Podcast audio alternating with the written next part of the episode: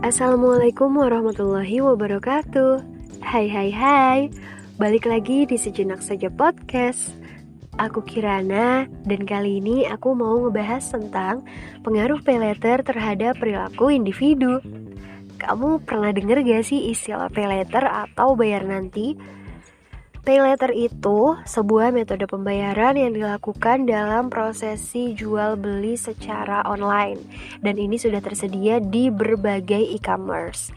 Atau kita gampangnya tuh nyebutnya pay letter itu hampir sama kayak kredit online gitu ya. pay letter itu sendiri udah ada dari 2018 sebenarnya. Cuma baru marak digunain itu pas 2020. Yes, pas pandemi COVID-19. Seperti yang kita tahu ya bahwa pandemi Covid itu berdampak banget buat kita, membatasi banget ruang gerak kita. Dan dengan adanya metode pay letter ini memudahkan kita untuk bisa bertransaksi secara online.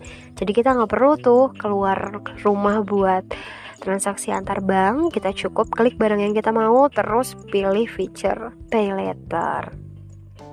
Ya sebenarnya as simple as that gitu ya. Emang gampang banget Selain memang efisien dan sifatnya fleksibel Cara gam cara daftarnya tuh gampang banget. Jadi kamu cukup nge-scan KTP Habis itu isi biodata diri kamu Terus tunggu satu kali 24 jam. Setelah itu akun paylater kamu udah bisa digunain. Gampang banget sebenarnya. Cuma aku sebagai mantan pengguna pay letter sangat tidak merekomendasikan untuk kamu gunain itu secara terus-terusan. Why? Karena yang pertama, itu akan menjadi sebuah kecanduan.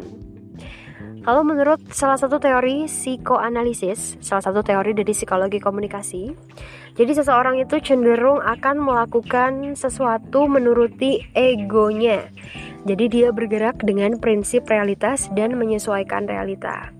Contoh, misalnya aku nih, aku udah pernah sebelumnya pakai pembayaran pay letter.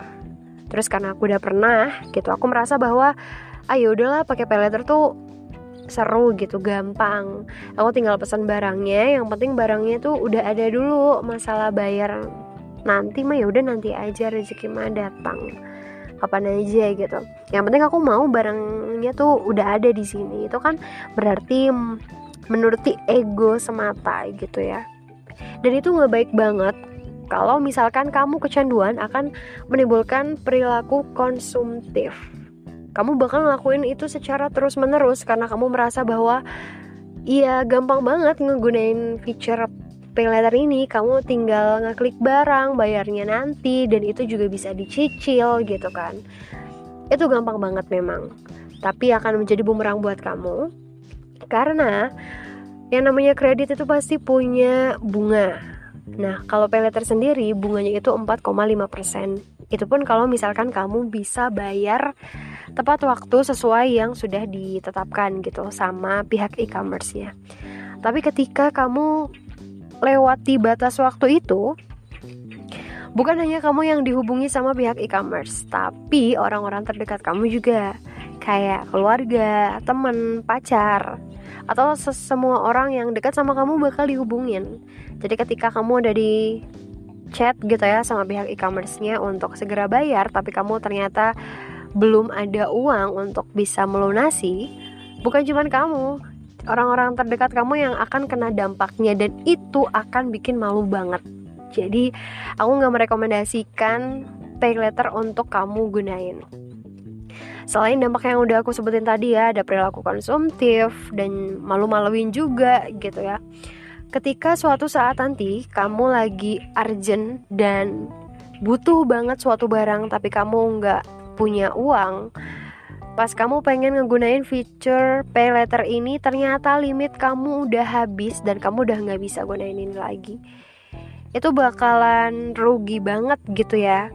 Karena kan satu akun tuh cuman bisa satu KTP Jadi kamu nggak bisa double-double Dan setiap akun itu punya limitnya masing-masing Ketika kamu sudah melebihi batas Itu kamu udah nggak bisa lagi ngegunain pay letter Jadi saran dari aku Walaupun aku cuma menggunakan sekali, untuk kamu yang mungkin sekarang masih ada tanggungan pay letter, silahkan dilunasi semoga rezekimu lancar. Tapi yang belum pernah pay letter sama sekali please nggak usah banget. Ini sangat tidak direkomendasikan. Kalau misalkan kamu pengen beli barang make sure kamu udah punya uang gitu. Jangan ngutang oke? Okay?